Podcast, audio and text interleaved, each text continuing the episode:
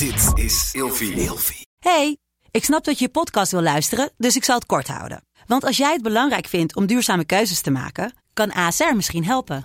Nou hoor ik je denken, hoe dan? Nou, bijvoorbeeld bij het duurzaam herstellen van schade. Of de premies die we beleggen volgens ons duurzaam beleggingsbeleid. Dat bepaalt waar we wel en juist niet in investeren. Wil je meer weten over welke duurzame keuzes ASR maakt? Ga dan naar asr.nl slash duurzame keuzes. ASR doet het. Zo, dan kan je nu lekker naar je podcast luisteren. Als buitenstaander dacht ik echt, waarom moet je dit zo hard doen? Nou, nog los even van het feit dat alle acties die zij doen mogelijkerwijs ook wel consequenties voor leven en dood kunnen hebben. Is een vrij belangrijke reden, eh, denk ik zo. Maar er was een commando die legde mij ook simpelweg uit. Zegt hij van ja, zegt hij, even los van de hardheid, zegt hij dat ik best wel wil geloven. Zegt hij dat dat afhankelijk van de branche waarin je in zit. eh, Ja, heb je die, die extreme hardheid wel nodig of niet? Weet je, maar waar het om gaat, hij, ik kan een hele mooie politieke termen iemand iets gaan uitleggen over van ik denk dat moet hij beter en anders gaan doen. Maar dan stel ik me vervolgens ook de vraag, komt de boodschap wel over? En leert hij daar dan wel van? Hij dus eigenlijk onze after-action reviews, ondanks al die hardheid, is niet om elkaar te bashen en kapot te maken en een beetje zwart te maken. Eigenlijk helpen we elkaar hiermee om te groeien. En als het individu groeit, dan groeit automatisch dat team ook mee.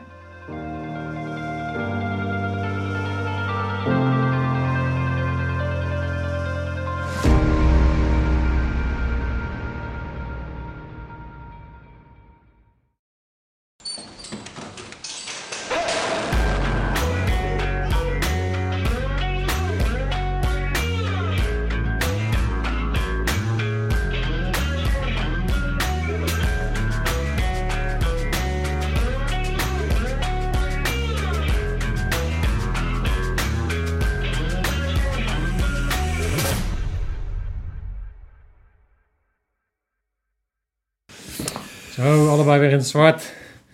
Ja. Goeie zaak. Kijk eens Bart. Ja, Wat we maken nog steeds reclame voor jou. Wanneer zien we die envelop eens een keertje? Ik heb gewoon geen andere t-shirts. Deze lag bovenop. Waar ben ik terechtgekomen? Ja, in het land van de t-shirts ben je terechtgekomen. Jullie waren dat toch ook met die, eh, met die opmerking van vooruit met het kadaver, toch? Dat zijn jullie. Dat zijn wij. Ja, ja, ja. Rammen met je kadaver. Rammen Zo met je is kadaver, dat. En als er iemand eh, ramt met haar kadaver, dan is het Chinese wel. Die, eh, die, eh, we krijgen heel veel leuke berichten van, eh, van mensen, reacties op onze podcast. En soms krijgen we zelfs een brief. En die kregen we van eh Chinese. Chinese is een... eh, ehm, BMX. BMX, BMX'er, zo'n stunt eh, biker. En die heeft de ambitie om naar de Olympische Spelen te gaan. En ik heb een YouTube-filmpje van haar gezien. En eh, dat ziet er goed uit. Er zat zelfs een verschrikkelijk lief cadeautje bij. Ik heb hem, uh, Janice, ik heb hem net geprobeerd om om te doen, maar het is me niet gelukt. dus we gaan hem hier eh, bij de Wall of Fame. Gaan we hem hangen, of neerleggen. Zo. Ik kreeg hem niet om. Dit is vreselijke vuisten van jou. Yes. Ik heb natuurlijk geen armband omheen. Janice, eh, bedankt en iedereen die ons eh bericht stuurt. We hebben het er net nog eventjes over, ook met, eh, met onze gast van vandaag, die zo meteen even gaan voorstellen. Ehm, hoe hard het eigenlijk gegaan is het afgelopen half jaar. En ehm, dat we toch echt wel dagelijks berichten krijgen met van gewoon bedankt tot en met best wel ingrijpende verhalen. van mensen die er echt iets aan hebben, in actie komen of er iets van leren. En ja, dat, dat is gewoon te gek. Gaaf. Daar ben ik echt heel erg eh, van onder de indruk altijd. En daar ben ik heel erg dankbaar voor dat we dit mogen doen. Yep. En eh, dan blijven we, godverdomme, rammen ook nog eens een keertje totdat we tussen zes plankjes liggen. Zo is dat. welkom, eh, welkom bij Scherpschutters, aflevering 28. Wij hebben op de korrel Roderick, die een heel mooi boek heeft geschreven. We zullen ook even een linkje eronder zetten. Team Ability, want we gaan het vandaag hebben over teamwork. In de breedste zin van het, eh, eh, van het woord. Gemotiveerde teams. Roderick, welkom. Dank je. Super tof. Leuk. eh, Heb- heb- hebben ze je alles op de korrel gehad tijdens eh, de ontwikkeling van je boek? Of? Ja, hoe, vaak, eh, hoe vaak wil je ze hebben? ja, wel. Jawel. Jawel. Ik weet niet hoe vaak ik de reacties wel niet heb gekregen van... joh, maar het vergelijk wat je probeert te trekken slaat natuurlijk gewoon helemaal nergens op. Ja, en dat is niet één keer geweest, dat is heel vaak geweest. Serieus? Ja. Eh, vanuit welke hoek? Eh, vanuit de cynici. mensen die er niet in geloven. de mensen die de link niet zien tussen, nou, wat in mijn beleving het oudste organisatie-entiteit is die we als mensheid überhaupt kennen. Namelijk gewoon het defensieapparaat. Zodra Ja. Adam en Eva ruzie begonnen te maken, is natuurlijk de oorlogsindustrie begonnen. Dat is ongeveer waar het is begonnen. Dus het is de oudste organisatie-entiteit. Dus ik heb altijd wat onbegrip gehad dat wij vanuit de zakelijke wereld daar nooit heel expliciet naar hebben gekeken. Niet meer dan die cold steel killers die de hele dag alleen maar lopen te schieten en, en een beetje met hun spieren lopen te zwaaien. Ja, Althans, dat is een beetje het beeld wat ik soms krijg dat mensen denken dat het is. Terwijl voor mij, eh, nou weet je, ik heb daar wel een bepaalde fascinatie voor, maar er zit zoveel in waarvan ik me ben gaan afvragen van is het nou zoveel verschillend met wat wij in de civiele wereld dan eh, ja. proberen neer te zetten? Maar Ja, wat, is jouw, wat is jouw achtergrond? Hoe, hoe eh, ben jij zeg maar eh, daarin geïnteresseerd geraakt? Nou, als klein jongetje was ik altijd al heel erg geïnteresseerd in eh, gewoon de elite teams, in, in de special forces. Weet je, de beste van de beste. Dat weet natuurlijk, eh, iedereen heeft die ambitie altijd, je wil de beste zijn. Dat vond ik altijd al wel fascinerend. Weet je, net als elk jongetje natuurlijk gewoon soldaatje spelen in het, eh, in het bos. Wie, eh, nou, welk jongetje heeft dat niet gedaan? Ja, of hier bij Hellshooter. Of hier bij Hellshooter. eh, Dames en heren, als we gestoord worden. Ja, dan is het Beetje een, van mijn, een van mijn kinderen die nu zich zoet houden hier. ja, als je mij een keer Soldaatje aan oude het hoort roepen, dan komen de kinderen binnen. Juist. Nee, nou, weet je, dat, dat spelen, dat soldaatjes spelen, dat- volgens mij is dat ook iets, bijna iets mans eigen, denk ik dan. Dus dat had ik vroeger ook altijd. Eh, ik heb vroeger nog wel de ambitie gehad om eh, de defensie in te gaan. Ik wilde of altijd commando worden, of ik wilde Apache helikopterpiloot worden. Maar ik heb ooit een keer een houten paal in mijn rug gehad en om medische redenen eh, eh, afgekeurd. Eh, dus die droom... Nou, ik kom ook niet uit een defensiefamilie, dus weet je, het wordt ook niet heel erg nagejaagd. Maar die houten paal zit er nog steeds? Nee, de houten paal zit er niet in. Ik ben wel nog steeds... Ze, ze eh, hebben inmiddels een tuinslang geplaatst. eh, ja, precies. Als ik soms even ga verzitten, dan snap je dat ik even die paal weer recht moet zetten. Ja. eh, Maar dat... eh, nee, dus weet je, mijn pad is helemaal eh, andere kant op gegaan. Eh, ik ben uiteindelijk heb ik eh, eh, 18 jaar interim management op de track record staan. Maar de interesse in de elite teams en de special forces is wel altijd gebleven. En daar waar dat vroeger nog een beetje het naïeve beeld was, van de stoere mannen en de helden die allemaal gave dingen mogen doen in het buitenland, wat natuurlijk nog steeds zo is, begon het mij toch ook wel af te vragen van, goh, maar het zijn gewone mensen die ook gewoon pijn voelen, die ook gewoon nou, scheiden op het toilet en ook thuis gewoon de afwas moeten doen en een ruzie hebben met de vrouw. Gewoon de normale dagelijkse dingen. alles, Ja, alles net als de- de, de afwas doen we niet, hè? Oh, je Ja. doet de afwas niet. Oh, Net als de nou, koning. Die, eh, doet. Dan moet ik dan nog even thuis praten. Maar dat, ik, ik heb maar, ben mij op een gegeven moment gaan afvragen... wat is nou hetgeen wat zij nou doen... wat hun vanuit het teamwork perspectief nou zo goed maakt? En op zichzelf, die vraag eh, vond ik al boeiend. Maar dat was, begon ook een beetje te ontstaan in het tijdperk... dat zeg maar, het hele agile denken in eh, het Nederlandse bedrijfsleven... dus het flexibel en wendbaar zijn... en het om kunnen gaan met constant veranderende omstandigheden... En steeds meer de kop op begon te steken. Dat was in de internettijdperk toen die aan het, aan het groeien was. eh, allemaal disruptie, dat soort dingen. En tot op de dag van vandaag zie je bedrijven worstelen met die vraag... hoe ben ik flexibel en wendbaar? Ja. En dat vond ik wel heel boeiend bij de Special Forces... om te zien dat dat, nou, zeker ook voor mij... maar ik denk ook voor heel veel andere luisteraars ook... een, een wereld die ook een, een, eh, een zekere extremiteit kent... die wij ons helemaal niet kunnen voorstellen... En toch ben je dan in staat om gewone mensen in zo'n setting te kunnen zetten. En die zijn dan nog succesvol en ook nog. Die weten hun hoofd koel te houden. En die weten wat ze moeten doen zonder dat ze eh, ja, over superkrachten beschikken. Ja. En dat vond ik heel fascinerend. Ja, dat is nooit weggegaan. Ja, ik, heb, ik heb twee dingen die ik... In, eh, kijk, wij zijn allebei van mening ehm, eh, dat er maar één ding is waarom er, het zo moeilijk is om eh, Special Forces te bereiken. En dat heeft te maken met dat, dat het, het is geen...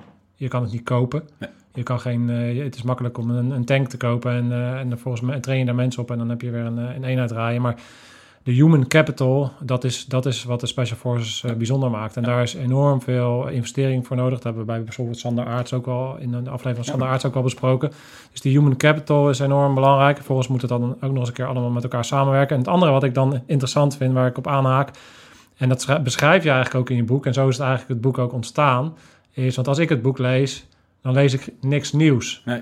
En die, Goeie reclame, dank je. ja, want dat, dat, dat is exact ook wat je, wat je zegt. Ja, Als je een boek wil waar Ja. niks nieuws in Niks staat, nieuws moet je dit boek lezen. dit is hem. Ja, niks in. drie jaar schrijfwerk naar de Ja. Nou, bedankt. eh, hap. Ik eh, ga er ook eens schrijven. Ik denk ook niet Staat dat hij in niks jullie, nieuws in in. jullie Wall of Fame komt te staan. Ja, ik ben bang dat dit het derde boek is. eh. Bas, dit wordt het derde boek wat ik ga lezen dit jaar. Had ik er dan al twee gelezen? Ja, Ja, je hebt die van ja, Sander is niet- Sander die van ik. Sander en van Je moet eh, toch Marco cursus gaan doen, de gelezen. snel lezen. Dan gaat het wel Ja, ja, maar ik, eh, ik, ik zit al boven gemiddeld dit jaar. Maar, maar ik bedoel dat dus eigenlijk als een compliment. eh, omdat dat is ook hoe het, het boek ontstaan is. Omdat het feit dat er niks nieuws in staat. eh, de, die, Ja. die major van het KCT, van de Ko- Koos Commandantroep, kwam naar jou toe. Toen jullie op de kazerne bij de mariniers waren.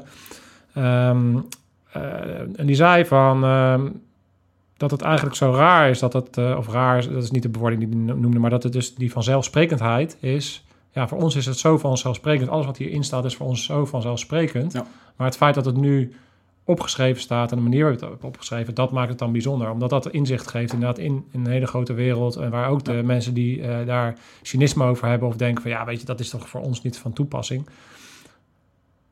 Ja, die laat je zien van ja, dat is wel degelijk van toepassing. En wij leren dat ook elke keer weer als wij dus mensen binnen El Shooter bijvoorbeeld krijgen. Of eh, jij binnen jouw trainingen, zo je dat, Ja. ja, maak je dat hetzelfde mee. Ja. Jawel, die, er zijn allerlei dingen die we kunnen leren en die we kunnen toepassen op de zakelijke wereld. En eh, dat heb je op een hele mooie, begrijpelijke ehm, en ook persoonlijke manier opgeschreven. Omdat je dus eigen, je eigen verhaal hebt verweven. Ja, ja, van vroeger en, eh, en, eh, en hoe je dat dan eh, hebt meegemaakt en hoe dat allemaal tot stand is gekomen. Dus daarom denk ik dat het een, eh, ja, een tip is. Anders had, ik, had je hier niet gezeten natuurlijk. Wat wel leuk is, diezelfde major, die zei op een gegeven moment letterlijk toen tijdens dat congres. Ja, weet je, je vertelt niks nieuws. Dat zou ook gek zijn, want het gaat over ons. Dus het was, het was een feest van herkenning. Heb je er nu al dorst van gekregen?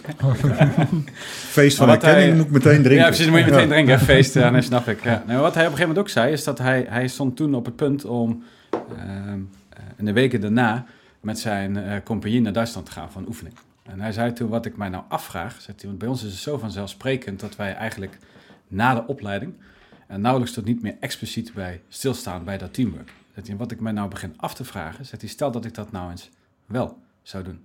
Wat gebeurt er dan?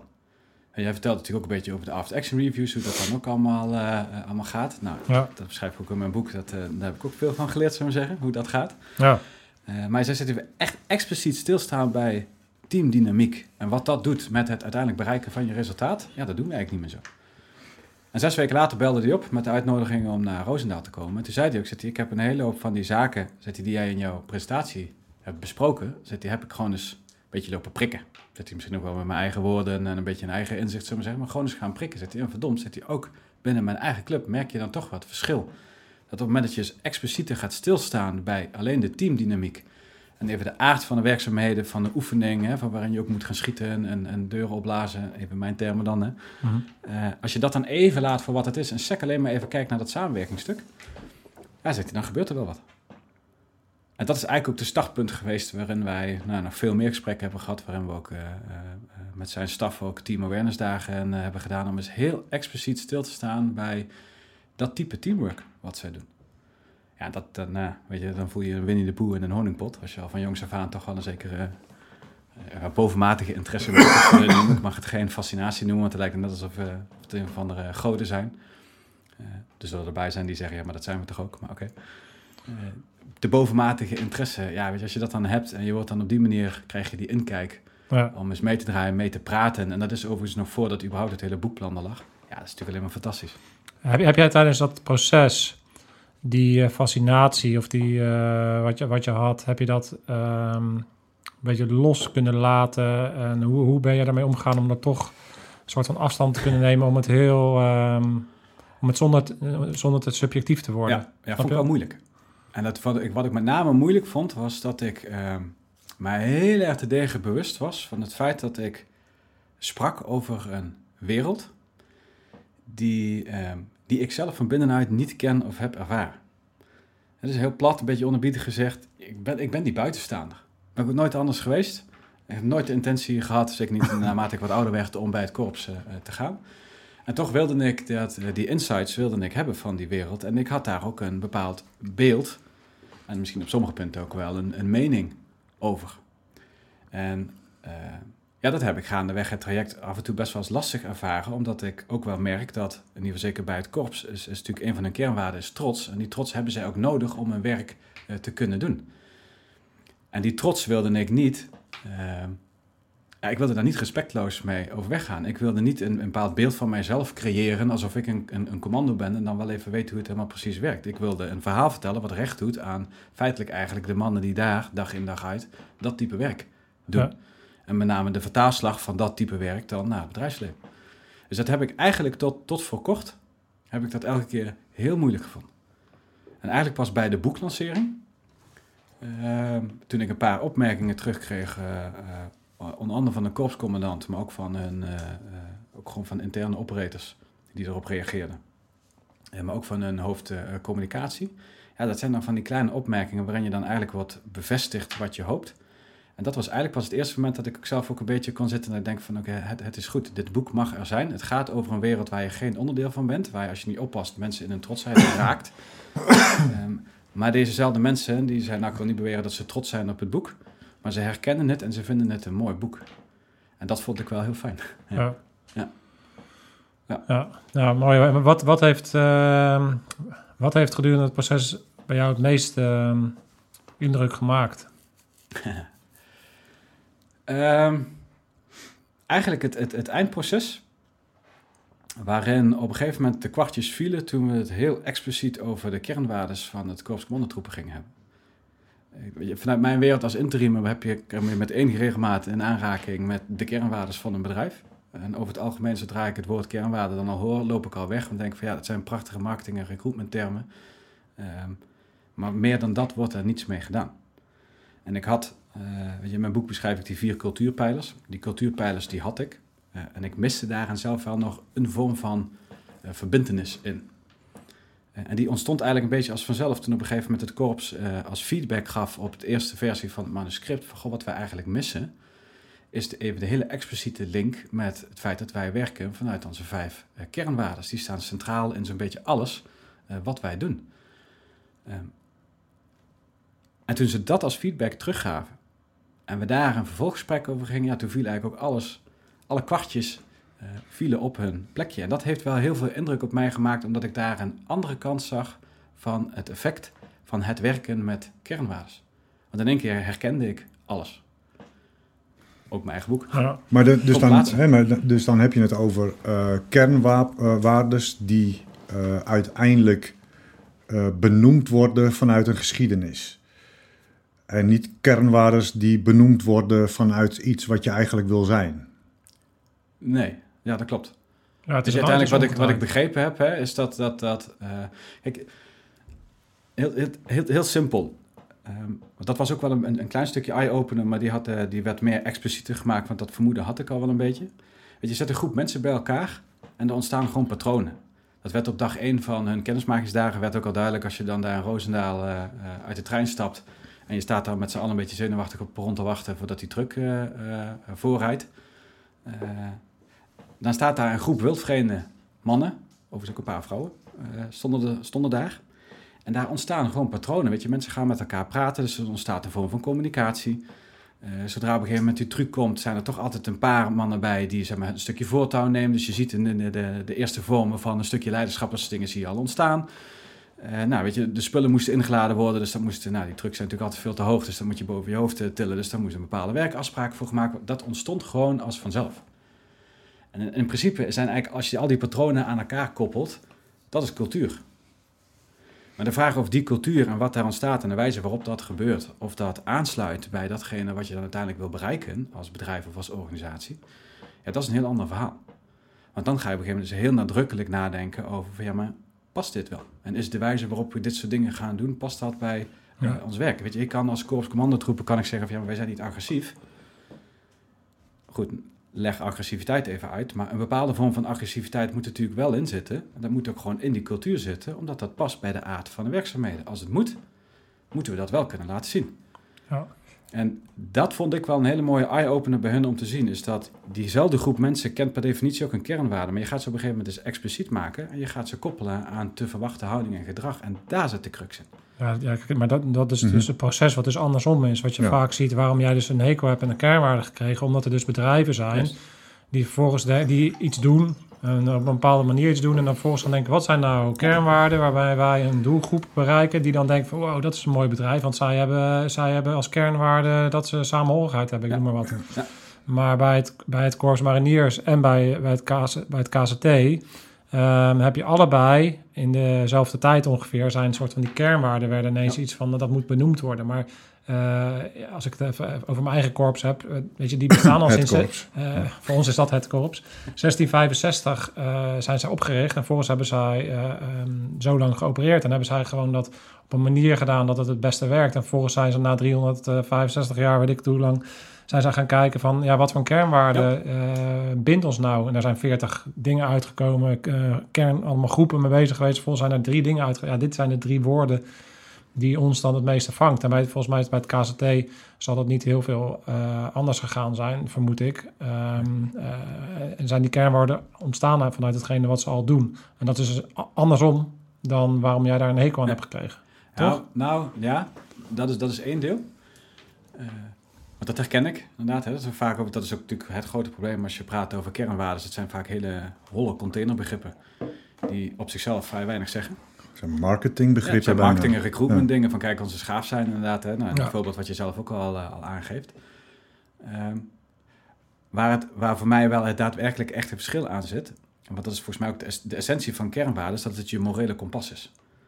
Ja. Waar gebruik je een kompas voor? Is om te kunnen peilen, is om je positie te kunnen bepalen ten opzichte van iets. Dus het is een soort referentiekader. In dit geval is het gewoon een, zelfs een morele referentiekader. Ja. Dus daar moet je aan kunnen spiegelen. Nou, weet je, even heel simpel. Aan een kernwaarde trots als term. Ja, wat moet ik daarmee spiegelen dan? En wat zij gedaan hebben, is hun kernwaardes, en volgens mij heeft Koos Mariniers dat ook gedaan, hebben zij hun kernwaardes hebben zij vervolgens doorgepakt door daar ook vrij expliciet houding en gedragkenmerken aan te koppelen. Ja. En daar zit een startpunt in. Dus vanaf dag één dat jij met die kennismakingsdagen gaat beginnen, wat feitelijk eigenlijk zeg maar, de, de, de- ergens ongeveer de start is van het hele eh, selectietraject, word jij getoetst op de vraag, heb jij dat soort kernwaarden? Bezit jij die? Ja. Zijn die latent aanwezig of wat voor terminologie je ook wil gaan gebruiken? En dat is wat zij toetsen.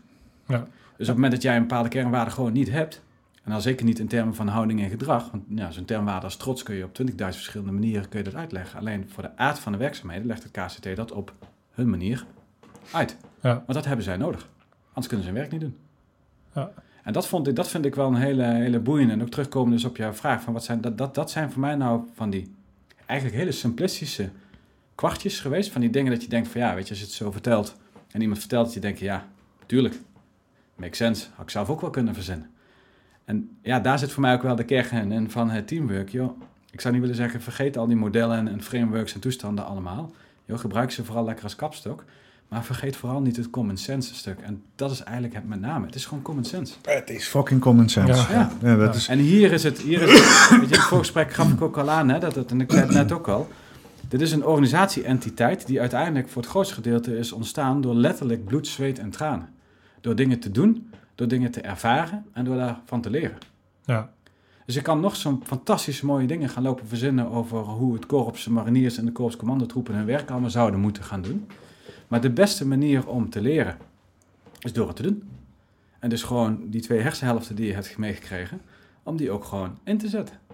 En daar gebruik van te maken. ja. te Eh, doen. wa- Ja. Als, je, als, jij, als jij naar jou... ehm nou, jij hebt dan eh, zo'n eh, iemand die is eh, een beetje eh, sceptisch Ja. over, het, over de waarde van militaire waarden in het bedrijfsleven. Ja. Wat eh, staat hier nou in waarvan jij zegt van ja, weet je, dit, dit zijn eh, dingen die in het bedrijfsleven, waar het bedrijfsleven wat kan, van kan leren, eh, wat, wat, wat bij, bij de commando's eh, vanzelfsprekend is.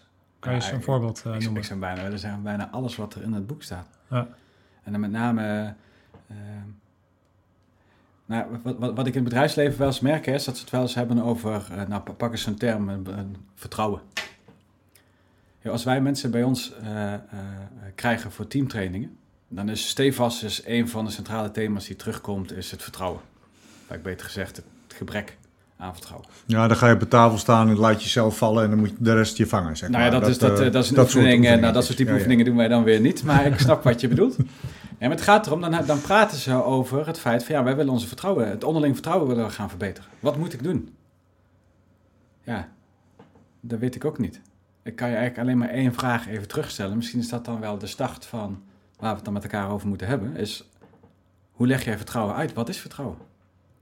Waardoor ontstaat vertrouwen dan? En daar zit ook weer dat stukje common sense in. Door even dat stapje terug te doen. En niet alleen met de roep van ja, we moeten het vertrouwen gaan verbeteren. Dus we gaan onszelf van de tafel afstochten en hopelijk uh, vang je mee op. Nee, dat, ja, weet je, dat is leuk om te doen. Denk ik. uh, maar dat, dat, dat, dat, dat vertelt jou nog helemaal niks over de vraag ja, maar nu heb ik een team en hoe moet ik dan het vertrouwen gaan creëren in mijn team? Want vertrouwen is uiteindelijk, het is een wisselwerking die plaatsvindt tussen twee mensen. Het vertrouwen is een gevoel wat je krijgt omdat iemand anders iets doet. Oké, dan kunnen we als een volgend stapje gaan maken. Wat is dat dan hetgeen wat die ander doet, wat ervoor zorgt dat er bij mij dat gevoel van vertrouwen gaat ontstaan? En van daaruit blijkt uiteindelijk dat je zo'n onderbuikgevoel van wat vertrouwen is, dat, dat, dat voel je. En dat laat zich heel erg moeilijk uitleggen. Kun je op een gegeven moment toch gaan verrationaliseren, noem ik het dan maar even, naar bepaalde aspecten die je dus wel degelijk kan gaan beïnvloeden.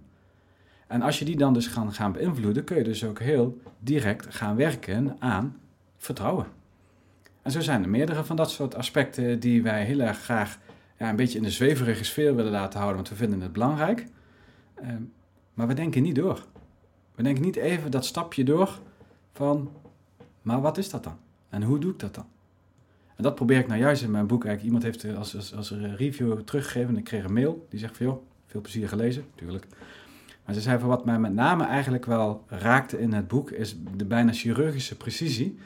waarmee je een aantal elementen gewoon gaat nou uit elkaar gaat halen... en gewoon eens bespreekbaar maakt waar het dan in essentie om gaat... bij onder andere zo'n onderwerp als vertrouwen.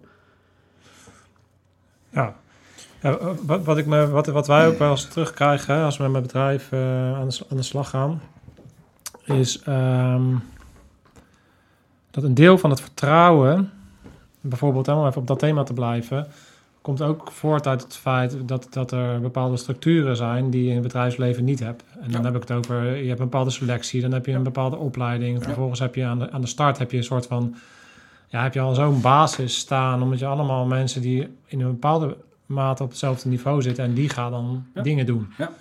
En dat geeft al vertrouwen, want ik weet dat Jeroen door hetzelfde hoepeltje is gesprongen als ik. En in het bedrijfsleven, dan krijg je, je krijgt uh, mensen van hier binnen, je krijgt mensen van daar binnen. die, die, komt van die achtergrond, die komt van die, die, en die moeten dan allemaal gaan samenwerken. Dus, dus die uh, positie is heel anders. Hoe kan je nou uh, dan toch zoiets als, als vertrouwen, maar ook andere waarden die, en, en, en dingen die hier dan in staan, toepassen op een wereld die eigenlijk in die uh, kern zo anders is dan de militaire wereld? Nou, ik, ik, ik zet al mijn vraagtekens even bij of die in de kerndagen zo zoveel anders is. Oké. Ehm, omdat namelijk hetgeen wat je eigenlijk al, al, al omschrijft, daar zit vaak al een bron van ellende voor heel veel uh, bedrijven. Is, is dat selectieproces. Mm Dus als ik even puur even kijk naar mijn eigen ervaring, is het meer een deel van sollicitatie- en intakegesprekken die ik als interim zelf heb moeten voeren, of die ik heb gevoerd met, met, met kandidaten met waar een HR iemand bij zit. Daar worden allemaal inhoudelijke dingen gevraagd. Maar een toetsing van de persoon en such die tegenover je zit, die is er niet. Dus iemand wordt aangenomen, wordt dan volgens in een team neergezet. Die krijgt dan een maand proeftijd. Nou, wat zegt een maand? Maar goed. En dan moet dat draaien. En in 9 van de 10 gevallen is de ellende die ontstaat, heeft niks te maken met het feit dat de persoon in kwestie inhoudelijk wel of niet goed is in zijn werk. Maar heeft alles te maken met de vraag: hoe ligt hij in het team? Is het überhaupt een teamplayer? Of is het iemand die eigenlijk alleen maar voor zijn eigen hachje gaat en van alle anderen om zich heen verwacht dat zij daarin meegaan? Ja, fantastisch. Nou, wij, dat kunnen we het gewoon noemen. Hè. Heerenveen hadden wij uh, hier van de week langs. Die hebben de L-Shooter Experience hier gedaan, of de, uh, de, de shooter hier gedaan. En wij hebben een lezing gegeven, met name over team. Ja. Teams, teamwork, vanuit onze achtergrond. En wat we daarin in feite ook al vrij snel merkten, is dat ja, een, voetbal wordt gespeeld met elf man. Dus je hebt een team van elf man. Maar het zijn eigenlijk elf individuen die uh, in de prime van hun carrière staan. Ja. Uh, die onder auspiciën en controle staan van soms nog ouders, maar vaak ook een, een uh, spelersmakelaar. Ja. Uh, en die invloed die is sterker dan de invloed binnen een elftal. Want uh, het gaat om jouw carrière en niet om uh, de winst van je, van je elfde. Dus ja. in feite, team, mm -mm, het valt flikkert als een kaarthuis meteen in elkaar. Ja. Dat, is, dat valt gewoon niet op te bouwen. Wat zijn volgens jou eh, eh, de belangrijkste elementen waar je aan moet voldoen om als team te kunnen als team te slagen? Wat zijn voor jou de belangrijkste elementen dat je zegt van nou, oké, als je als je aan teambuilding denkt, dan moeten, moeten die, die, die en die elementen moeten kloppen. Ja. Nou, het, is de, de, het, het begint even met het feit dat een, een, uiteindelijk is een, een teamcultuur. Ik zet het anders neer. In essentie geloof ik er heilig in dat op het moment dat jij de teamcultuur kunt gaan beheersen, dat je daarmee dan uiteindelijk ook het teamresultaat kunt gaan beheersen. Ja. Grappend zeg ik ook wel eens, resultaat is het resultante van hetgeen wij samen met elkaar doen. Een team is uiteindelijk altijd wel onderdeel van een organisatie-entiteit. Dus het begint even met die kernwaarden. En we hadden het net ook al even over het selectiestuk. Jij probeert als bedrijf, probeer jij een product of een dienst neer te zetten.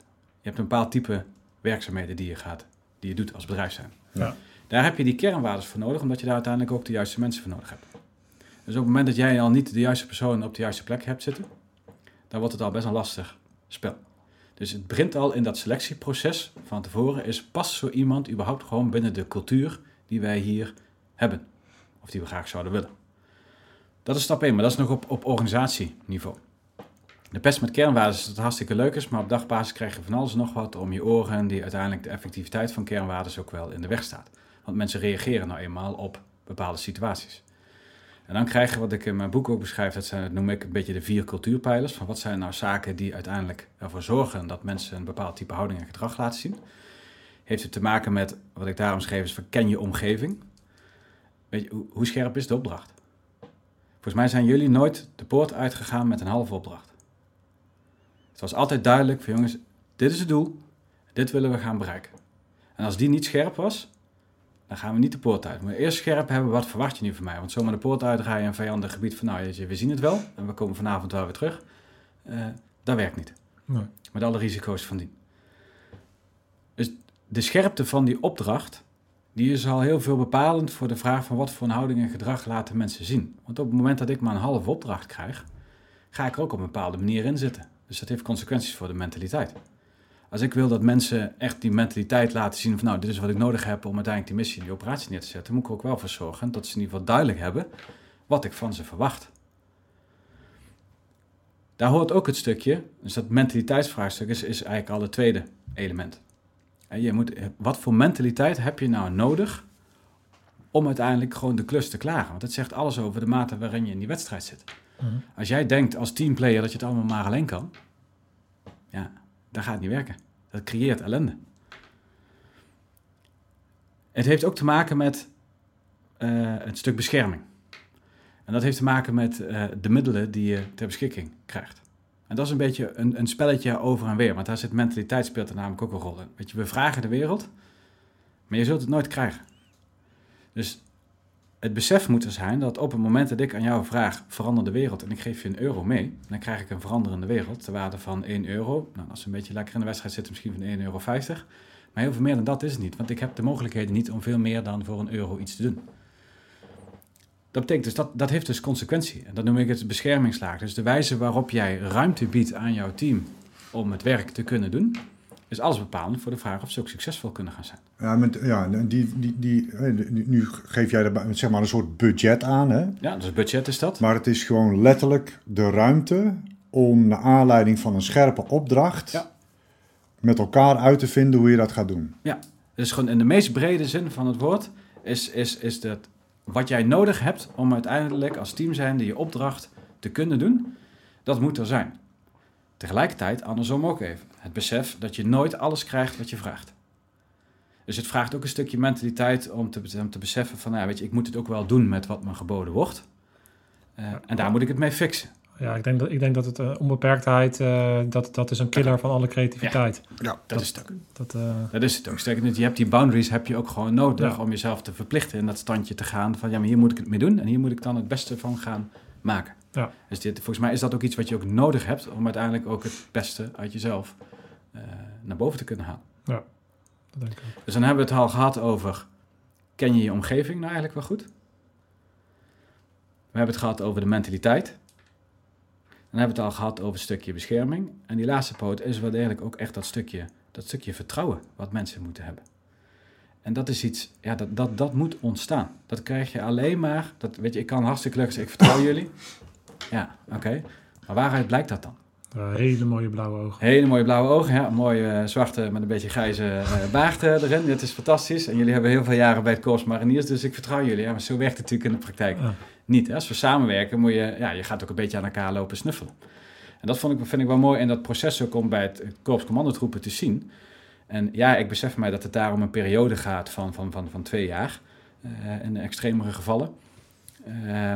Dat kost tijd. Die tijd heb je natuurlijk niet altijd. Maar daar gaat het mij ook niet om. Het gaat even om de essentie wat daar aan ten grondslag ligt. De selectie die daar plaatsvindt is eerst op persoonskenmerk. Hmm, ja. En daar zit meteen al een heel groot verschil. Hè? In menig geen bedrijfsleven is, begint de selectie, die uh, uh, gaat toch al heel erg snel over de inhoudelijkheid van iemand. Over wat kan jij? Niet over wie je bent en uit welk hout je bent gestemd, maar gewoon wie ben je. Daar hebben we net ook al over gehad. Vervolgens doen zij die opleiding en daar gaan ze dingen aan toevoegen. Weet je, in het leren schieten, ja, een beetje flauw gezegd, iedereen kan wel leren schieten. Daar ben ik niet zo heel erg bang voor. Monkey see, monkey does. Precies. Maar op het moment dat jij met vijf man in een of andere kamer in een ziekenhuis moet sweepen, dan vind ik het fantastisch dat jij heel erg goed kan gaan schieten. Maar ik ben toch wel even benieuwd hoe je dat gaat doen als we met vijf man in die kamer staan. Want daar komt er in één keer een dynamiek bij kijken, die wel even anders is dan alleen maar het schieten. Namelijk het rekening houden met elkaar, het communiceren. Waar staat je uh, teamgenoot? Dus daar gaat teamdynamiek in één keer een hele grote rol spelen. En dat zijn ook zaken, dat, dat, dat, dat is er niet in één keer. Dat moet je ervaren. Dat is wat ik ook heb gezien tijdens al die observaties met al die oefeningen. Al die oefeningen zijn niet alleen maar omdat ze inhoudelijk hun skills uh, moeten versterken. Tuurlijk is dat ook een doel. Maar heeft ook te maken van dat jij met die mannen ga jij ervaringen doen, zodat je van elkaar leert begrijpen hoe reageer jij in bepaalde situaties en hoe kunnen we daar met elkaar op inspelen, zodat we dat bij voorkeur om kunnen zetten in een kracht voor de aard van de werkzaamheden en daar het liefst in ieder geval niet de negatieve gevolgen van ondervinden. Ja. Dus dan heb je het over, je werkt veel met elkaar. Ja, je werkt veel met elkaar. En, en, je bespreekt en, dingen met elkaar. Precies, naast het werk bespreek Benoemen. je, uh, ja. uh, ja. evalueer je in feite het proces ja. van wat je net gedaan hebt. Ja, we hebben, ik beschrijf de anekdote ook in mijn boek. We hadden vorig jaar, mocht ik observeren bij een, een oefening. Dan gingen ze in een ziekenhuis gingen ze sweepen. Van een oud ziekenhuis hier in, ergens in Nederland. en dan gingen ze sweepen. Dus ja, we lopen daar zes, zeven man uh, van die commando's in kleine eenheden. En uh, nou, er waren volgens mij een stuk of zes of zeven geloof ik, weet ik niet meer precies. Maar die liepen door dat ziekenhuis heen. En die hadden een communicatiestuk onderling. Ze hadden communicatie uh, binnen de teams. En er was dan ook nog eens een communicatie naar het hoofdkwartier ergens beneden in de, in de hal. Overigens even als buitenstaander, als je dus midden in zo'n oefening binnenloopt, denk je echt dat je in een of andere ontzettende Hollywood-scène terecht bent gekomen. Maar dat waren steeds runs van nou, misschien een kwartiertje, twintig minuten denk ik. Veel langer was het steeds niet. En daarna vond er een after-action review plaats. Of in civiele termen, dat is gewoon feedback geven. Ja. Uh, nou, dat ging op een manier waarvan ik toch wel denk dat menigeen in de civiele wereld huilend wegrent. Dat ging gewoon hard en bam er bovenop en zelfs op de persoon gespeeld. Dat je echt denkt van, oké, waarom? Als buitenstaander dacht ik echt, waarom moet je dit zo hard doen?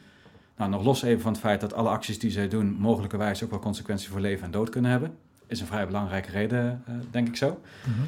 Maar er was een commando die legde mij ook simpelweg uit. Zit hij, van, ja, zit hij even los van de hardheid, zit hij dat ik best wel wil geloven. Zegt hij dat dat afhankelijk van de branche waarin je in zit, uh, heb je die, die extreme hardheid wel nodig of niet. Zit hij, maar waar het om gaat, zit hij, ik kan in hele mooie politieke termen iemand iets gaan uitleggen over van ik denk dat moet hij beter en anders gaan doen. Maar dan stel ik me vervolgens ook de vraag, komt de boodschap wel over?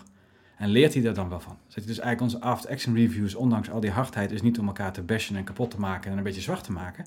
Eigenlijk helpen we elkaar hiermee om te groeien. En als het individu groeit, dan groeit automatisch dat team ook mee. En waarom groeit dat team mee? Omdat we dat naar elkaar doen. En op het moment dat je dan merkt dat dat effecten heeft, nou, dan zijn we terug bij dat onderwerp, dat creëert een vertrouwensband. Door dat soort dingen met elkaar te doen, door bezig te zijn, door elkaar te leren snappen, door te begrijpen hoe je reageert in bepaalde situaties, dan kun je daar ook iets mee. Ja. En dat, dat is waar dat hele vertrouwensstuk zit. Het openingsverhaal bij, uh, van Puma en Tiger in het boek laat dat ook heel erg sterk zien. Dat ze die operatie moeten gaan doen. En dat gaan ze voorbereiden door, nou, jullie waarschijnlijk niet geheel onbekend, je gaat het oefenen. Je zet een paar stoelen en een paar pionnen neer met een paar stokken en je trekt een lint en dat is dan het gebouw. Mm -hmm. En je gaat staan, komt voor een plan. Een plan is heel geduldig en een plan is altijd een leuke papieren waarheid. Maar de praktijk is een stuk weer barstiger. Dus ga dat dan eens oefenen en zie dan eens even in zo'n setting, in een veilige setting, waarin je fouten kan maken, hoe dat dan werkt. En dan kom je er in één keer heel praktisch achter van, goh, maar als ik hier sta en jij staat daar, zie ik jou helemaal niet. Dus hoe kan ik dan nou in godsnaam jou in de gaten houden en zorgen dat jij veilig blijft als ik jou niet zie? Datzelfde principe geldt voor het bedrijfsleven ook. Als jij een project gaat runnen en jij denkt dat je in één ruk naar productie kan gaan, dat het dan in één ruk allemaal live is en je bent klaar, en de dingen gaan dan mis, ja, dan heb je de poppen echt in dansen, want dan heb je geen idee wat je moet gaan doen. Wie pakt dan de lead en hoe gaan we dat in een samenwerking doen? Ja. Ja, dus dat, dat, dat zijn eigenlijk dingen die wij gewoon uh, normaal doen. Ik denk een softwarebedrijf uh, die een bepaalde dienst in de markt gaat zetten. Die, uh, en daar hebben ze dan allemaal, ik ken die term allemaal niet hoor, maar agile en weet ik allemaal niet. Ja, scrum. Dingen scrummen Ja. en weet ik allemaal niet. Maar, maar bij ons is dat eigenlijk altijd gewoon common sense geweest. Ja. En, en, en, en dat, door dat te vertalen eh, kunnen dus dat soort bedrijven dat ook misschien op een andere manier vormgeven. Nou, sterk nou, als ik, als ik één, één, één ding daar mag, mag toevoegen. Ik had met die major, had ik vorig jaar een, een gesprek en die zei op een gegeven moment van ja, we hebben hier intern in Roosendaal hebben we ook een aantal projecten lopen. En wij overwegen om dat volgens de Scrum-methode te doen. En ik viel zo wat voor mijn geloof af. Want ik zei tegen hem, ik zeg, ja, maar volgens mij moet je eens even kijken naar de manier waarop jullie operaties voorbereiden als je in Afghanistan of in Irak zit. Ik zeg, want jullie noemen het misschien allemaal anders, hebben hele andere terminologieën. Ja, Ik zeg maar, de bottom line is dat je de hele dag niks anders doen dan lopen te scrummen. ja, Ik zeg dus, bespaar je nou die moeite door daar een of andere methode naar binnen te fietsen. Ik zeg, kijk nou gewoon eens simpelweg naar hoe jullie het al sinds jaar en dag de zaken doen. ja. Wat jullie succesvol maakt. En durf die dan ook eens op dat soort meer business pro- interne projecten, durf het daar ook eens op te plotten. Ja, ik- ik- en er zijn wat, met dat debriefen, wat ik daar ook eh, eh, in denk, is dat wat daarin belangrijk is, ook om zo te kunnen debriefen, is uiteraard heeft het ook wel een beetje te maken met de, met de het, het type mensen wat er werkt, het feit dat, dat mannen gewoon direct zijn. Hè? Als, we, als, we met, als we veel vrouwen binnen, binnen de, de korpsen hadden gehad, was dat wellicht anders geweest. Ja, weet ik niet. Eh, zonder een waardeoordeel aan te hangen, maar die zullen toch meer op gevoel, compassie. En de- dus de, directheid zit hem in de, in de mannenwereld. Ja. Eh, en het andere is inderdaad, wat je ook al zelf benoemt, is het feit dat, zoals heb ik dat in ieder geval altijd ervaren, is dat hoe persoonlijk de debrief ook wordt. Ook als er, er zijn ook, ik, ik als tactisch commandant in zo'n actie, eh, in zo'n ziekenhuis, had ik, kreeg, ik- kreeg ik ook gewoon dingen te horen. En, eh, en ik had nooit zoiets van, oh, eh, wat ben ik nou zielig, want ze vallen mij aan of zo. Ja. Ik dacht altijd van, oké, dat is gebeurd, dat zijn de feiten. Eh, hoe is dat bij mij gegaan? Heb ik daar een verklaring voor? Eh, en wat kan ik daarvan leren om er beter van te worden? Dat, dat is het enige wat er in mijn hoofd dan gebeurt. Het is niet dat ik bezig ben van, oh, ze, oh vinden me allemaal eh, kut of weet ik veel wat. Nee, ik ben alleen maar bezig, oké, wat is er nou gebeurd? Wat kan ik daarvan maken? Hoe, wat- en, en dat heeft ook te maken met het feit dat ik van zoveel drive heb om de maximale waarde Ja. voor het team te hebben. Dat ik niet met mezelf bezig ben, maar met wat ik aan te bieden heb aan het team. Ja. In plaats van dat ik met mezelf bezig ben van ik moet de beste zijn hier. Ja, ik wil voor mezelf wel de beste zijn.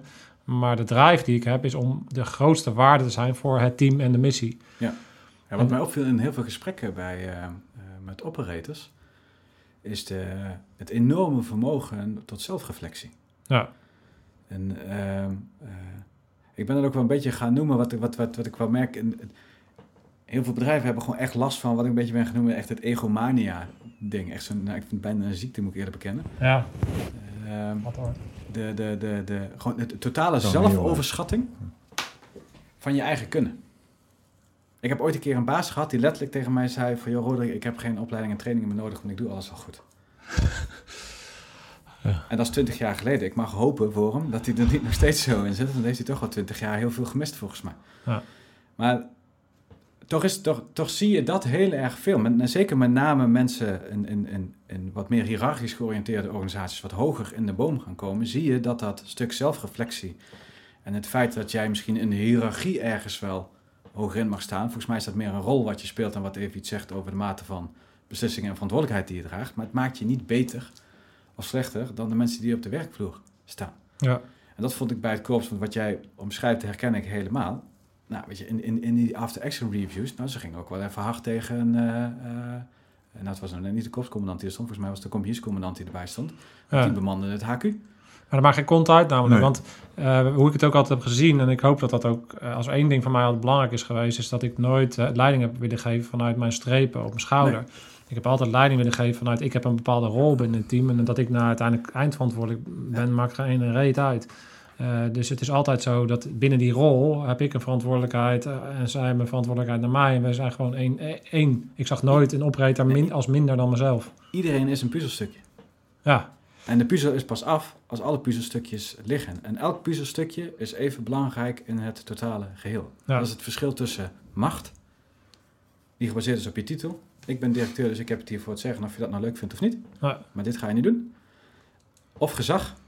En dat is gewoon de beste man op de beste plek op dat moment met het beste idee. Exact. die leidt op dat moment. En of dat nou een operator is, of inderdaad bij wijze van spreken een compiescommandant.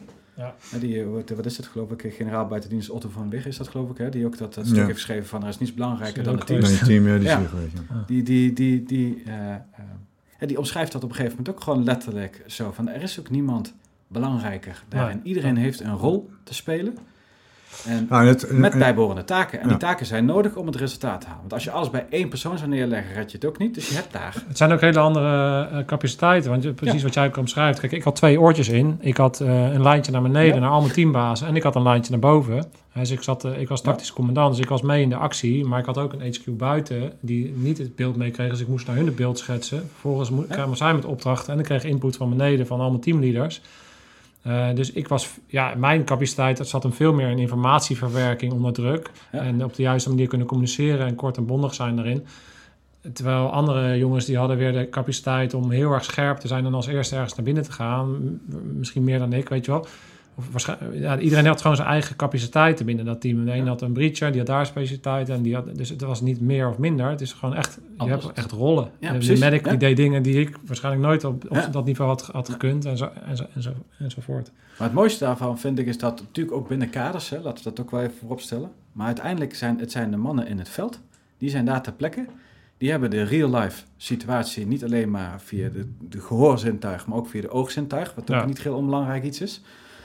En die zien daar dingen gebeuren. Die kunnen dus ook het beste inschatten wat er nodig is. Ja. En dat, dat is wel best een groot verschil. Zeker in een nou, de wat traditionelere organisaties zie je toch nog een beetje dat, dat ouderwetse Ja, command-control dat is eh, ja. eh, structuur, waarin het top-down gebeurt.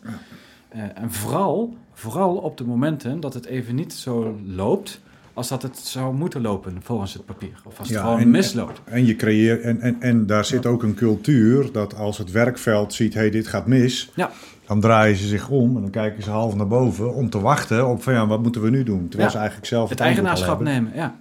Ja. Terwijl wat houdt mensen, behoudt mensen bij bedrijven? Nou, ik heb volgens mij zelfs een heel hoofdstuk aan eh, gewijd rondom het empowerment stuk.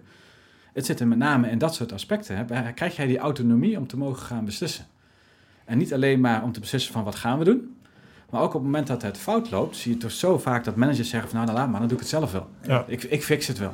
Ja. Als er iets killing is voor mensen, voor het gevoel van een stukje eigenwaarde, en is, is dat ze hun eigen shit niet mogen opruimen. En Mijn ervaring is dat eh, op het laagste niveau die eigenaarschap bestaat vanuit hunzelf, Ja. maar ook vanuit de leiding. Op het moment dat de leiding hen het gevoel geeft van alles wat er binnen deze actie gebeurt, en zo heb ik dat altijd ervaren, binnen deze actie is, dit is mijn actie, Ja. eh, onze actie, maar alles wat hier fout gaat is mijn verantwoordelijkheid. Dus je- op die manier ga je altijd voor eh, bepaalde dingen staan. Dus als iemand eh, op het laagste niveau eh, als operator ergens een actie uithaalt, en dat komt niet helemaal in lijn met hetgene hoe jij dat zou willen. Dan moet je hem toch die veiligheid bieden om, om te zeggen van naar boven toe, om ervoor te gaan staan van weet je, er zijn allerlei dingen misgegaan. Ehm, maar dat je uitlegt. eh, Dit hebben wij gedaan en niet dat hij. hebben wij. wij, er zijn dingen ge- Ja. gebeurd die tot dat hebben geleid en we gaan ervoor zorgen dat het nooit meer gebeurt. Ja. Eh, maar nooit hun het gevoel te geven dat, je, dat, je, dat ze afgebrand worden naar, naar een hoger dek. Nee. eh, eh, voor acties die ze hebben gedaan vanuit hun eigen initiatief. Want dan, dan sla je natuurlijk al het initiatief eh, dood.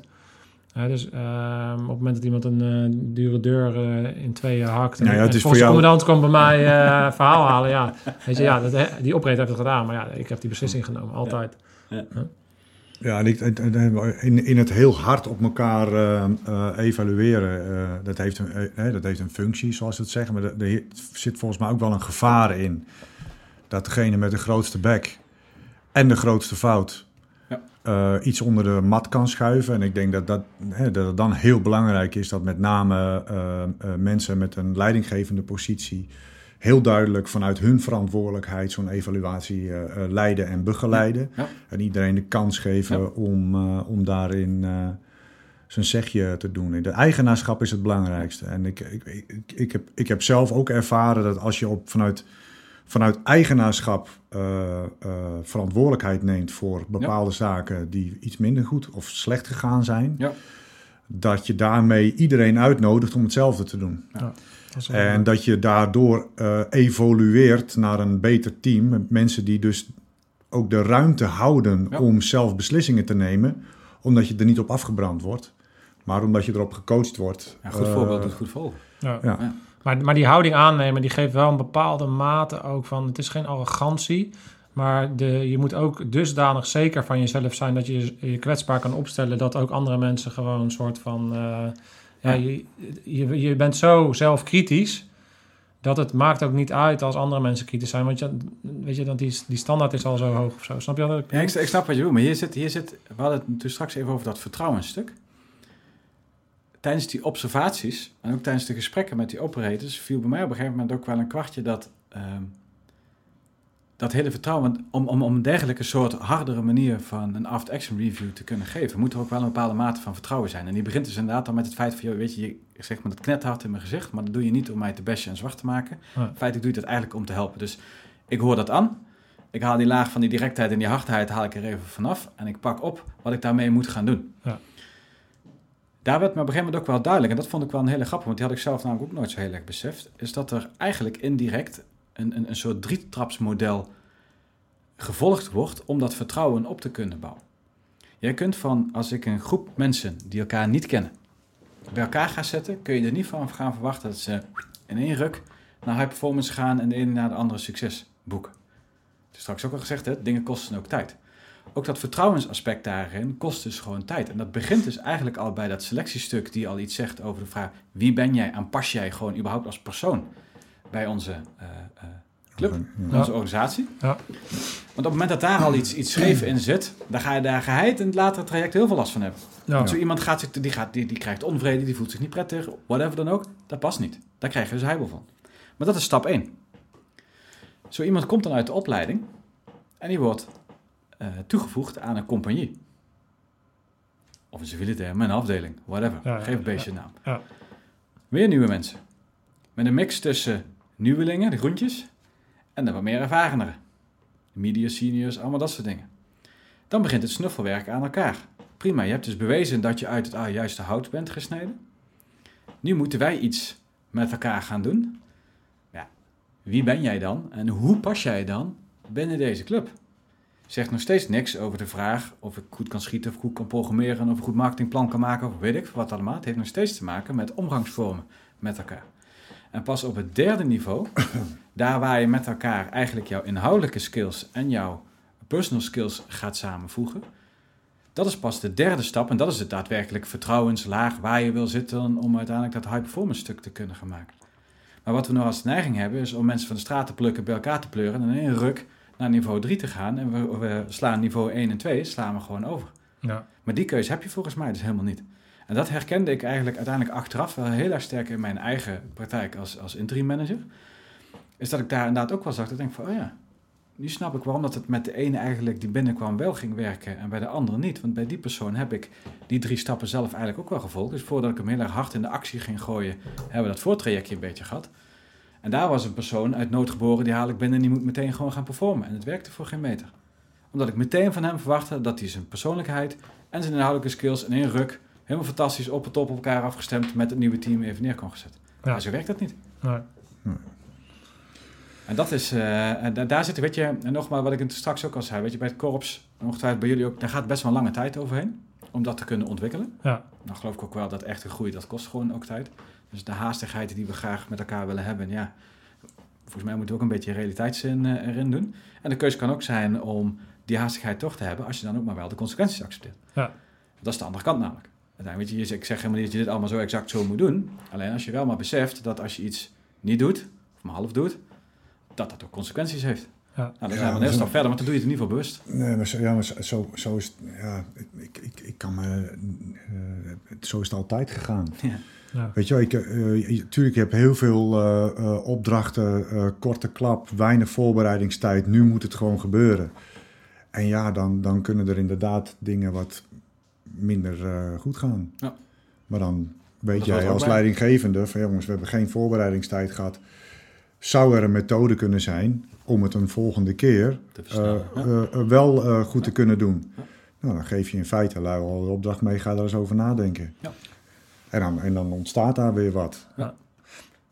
En weet je wat ik me ineens bedenk, wat ik, wel, wat ik ook een grappig vond, ehm, is dat jij benoemt dat er bij ons iemand verantwoordelijk is voor communicatie. Ja. En toen, toen je dat, dat zijn van die dingen van wat ik ook bedoel. Van, ja, jij een warm gevoel? eh, nou, daar, daar, daar staat niks in eh, wat nieuw is, maar het feit dat wij dus iemand verantwoordelijk maken voor communicatie is voor ons, ja, daar, daar hebben we niet eens over nagedacht, toch? Dat is gewoon normaal. Ja, dat ben jij.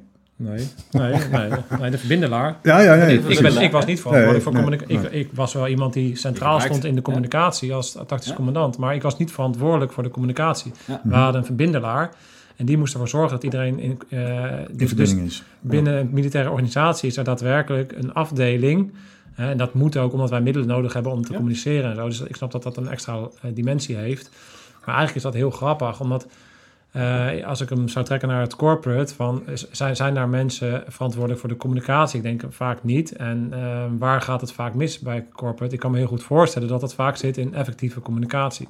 Ja, weet je, En- zodra er stress ontstaat, nou dat hoef ik je niet te vertellen, zodra er stress ontstaat, is het eerste wat wegvalt, is effectieve communicatie. En hoe zwaar je ook getraind bent en hoe goed je ook bent, dat is het eerste wat echt nou, bijna letterlijk onder vuur komt te liggen als er druk ontstaat, is de effectieve vorm van communicatie. Ja.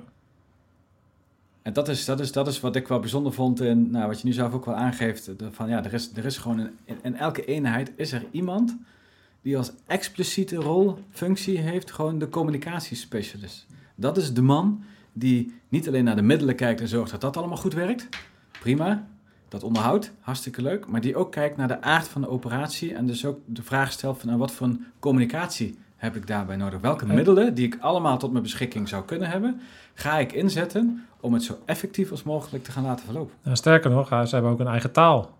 Je moet hun taal leren. Tering. Ja, is dat ja, zo? Ja. ja, je leert, je, je leert radiotaal. Kijk, wij, de Ja, tuurlijk, ja, de afkortingen, dat soort dingen, man. nou, maar je leert ehm, op het moment... Want eh, volgens mij beschrijf je dat ook in het ziekenhuis... dat op een gegeven moment een van die runs niet goed ging... omdat de, de communicatie over de set niet eh, effectief was. En een van de dingen die ik heb gemerkt... toen ik ging werken met de landmacht in Afghanistan... ehm, het was heel grappig namelijk... want eh, de landmacht die praat in het Nederlands over de radio... Ja. De mariniers die praten in het Engels en dat is niet onze natuurlijke taal. En dat is niet een, een, een eh, waardeoordeel, maar daar zit wel, wat ik wel merk is dat, dat de landmacht eerder geneigd is om te lang te communiceren over de radio. En ik denk dat dat ook te maken heeft met het feit dat zij een eigen taal praten. Dan ga je veel makkelijker een lang verhaal vertellen.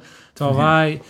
Soort Ja, ik met, die, met die lessen ben ik eh, met, eh, met mijn buddy eh, Patrick eh, toevallig, waren we, was een hele nacht duurde dat, waren we in slaap gevallen. maar op een paar andere punten hadden we goed gescoord, dus uiteindelijk hebben we er niks van gemerkt. Of zij hebben het ook niet gemerkt. Ja. Ja, maar, het is, maar, maar, je leert, ze hebben dus dat, een eigen taal. Want je moet dus kort en bondig communiceren over Ja. de set. Omdat het, Ja. dat heeft een, een, een reden. Omdat je wil die set... Op het moment dat ik praat in mijn set... kan iemand anders niet praten. Misschien gaan, worden daar wel mensen doodgeschoten... en hoor ik het niet. Nou, en, dat is, en dat is de essentie. Dat is, dit, dit is nou echt zo'n goed voorbeeld. Waarvan ik zeg van, nou weet je, laat even los dat je een verbindelaar of iets dergelijks moet, moet hebben met zijn eigen communicatiematerialen. Daar kan ik helemaal niet over beoordelen. Want dat is ook weer situatieafhankelijk, ook in het corporate leven. Ja. Maar het gaat, draait wel om het feit, waarom is hij er? Omdat die persoon in de basis er verantwoordelijk voor is dat op het juiste moment de juiste persoon op de juiste manier de juiste boodschap krijgt. Ja. In de juiste vorm. Ja. Dat is waar die persoonlijk eh, verantwoordelijk voor is om dat te regelen. Ja. En binnen het KCT en ook binnen het Korps Mariniers is dat dan een verbindelaar met al zijn middelen erbij. Binnen het corporate leven is dat iemand anders. Waar het mij om gaat is dat, jongens, het is, wel een, het is niet iets wat je er even bij doet. Als je bedenkt dat effectieve communicatie een van de belangrijkste smeermiddelen is voor het wel en wee binnen een goed functionerend team. Het is een smeermiddel. Ja. Maar wat gebeurt er als je de tandwielen niet smeert? Gaat knarsen. Ja. En gaat kapot.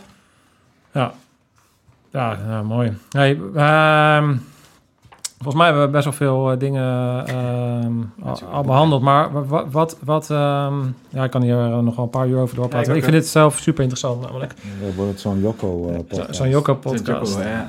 Hey, wa- wa- wat wil jij eh, bereiken met dit boek uiteindelijk? Nou, ik, ik vind een van de belangrijkste dingen die eh, wat ik wil bereiken is eh, eh, met name even, ja, toch ook wel een stukje dat, dat common sense effect. Als ik, als ik kijk in die corporate wereld, je wordt doodgegooid met allemaal frameworks en modellen en weet ik veel wat voor methodes allemaal om uiteindelijk flexibiliteit en wendbaarheid te creëren. Ehm, en die zijn ook allemaal prima. Ik geloof ook absoluut allemaal dat ze allemaal hun, hun, hun nut hebben. Eh, maar in mijn beleving wordt de daadwerkelijke flexibiliteit en wendbaarheid wordt uiteindelijk bereikt door de wijze waarop mensen met elkaar samenwerken. En voor mij staat dat los van welke methode dan ook. Die methode moet je daarin ondersteunen en helpen, maar mag daar niet leidend in zijn. En dan is het gewoon common sense. Wat hebben mensen nodig om fatsoenlijk met elkaar te kunnen werken? Ja, is dat ze snappen wat je van ze vraagt. Is dat je vertrouwen in ze hebt dat jij dat dan ook kan gaan doen. Dat jij met de juiste mentaliteit erin zit.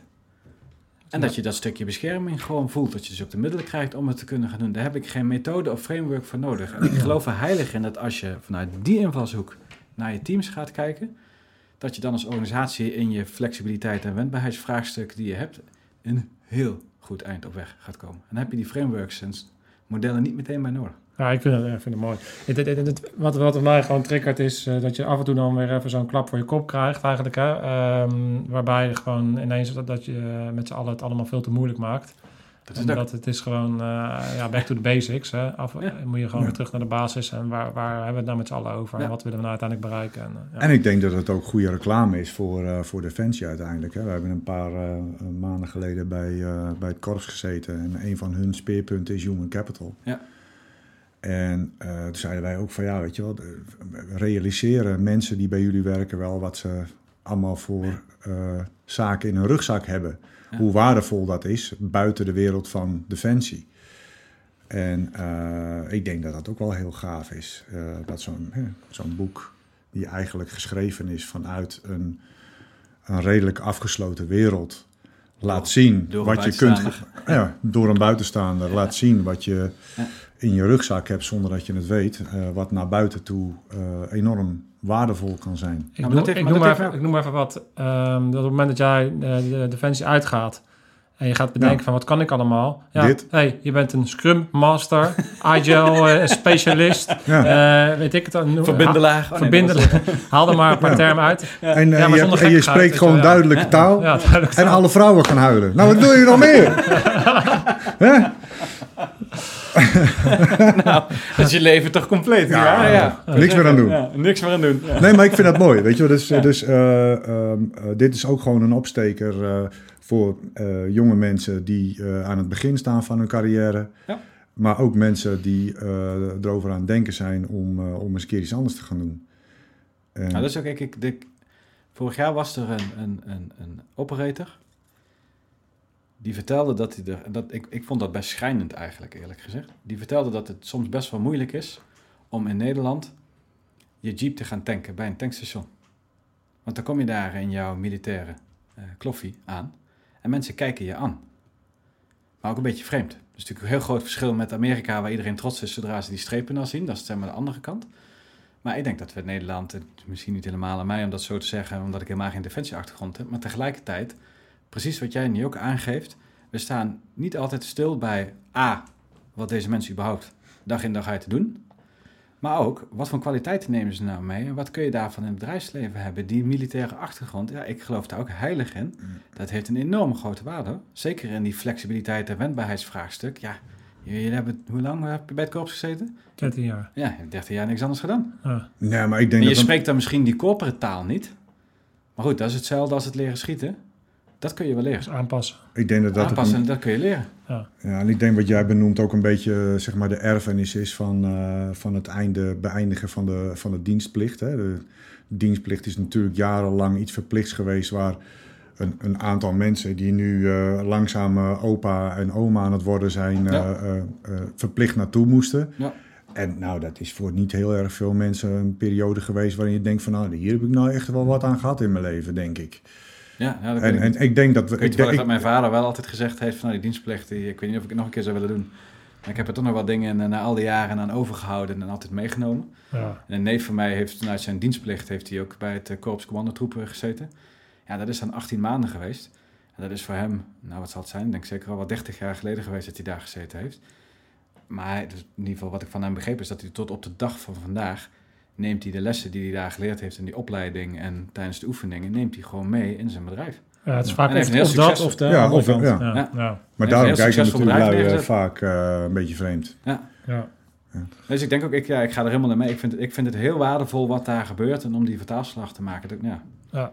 Super. Ja. Nou, tof. Dat heel, erg, dat eh, heel erg mooi Graag project. Ja. Dus eh Korps Commandotroepen heeft eh, hier aan eh, meegewerkt, heeft inzicht gegeven in hun wereld. Dus eh, top dat jullie eh, dat ook hebben gedaan. Het geeft ook een bepaalde, ja, dat is niet een stoer woord, maar toch een bepaalde kwetsbaarheid aan om als organisatie zo eh, in- je eigen gelederen te laten kijken. Dus uh, goede zaak Ja. dat ze dat hebben gedaan en eh, tof dat je dat zo eh, hebt op, opgepakt. Dus Ja. bedankt voor je werk. Dankjewel. Dank je. En tof dat je hier was. Graag Alles gedaan. gezegd? Dat was een eer. Dank je. Alles gezegd? Ik heb alles gezegd. Top. Niet meer dan dat ik nu ontzettend naar het toilet moet. Van al het water van Jeroen natuurlijk. Al het water, ja. Ik zeg, het was hier één groot feest, dus ja, het, het water werd... eh, Het water vloeit hier rijkelijk, jongens. Oude rammers, bedankt voor het kijken. Scherpschutters, Uit. uit.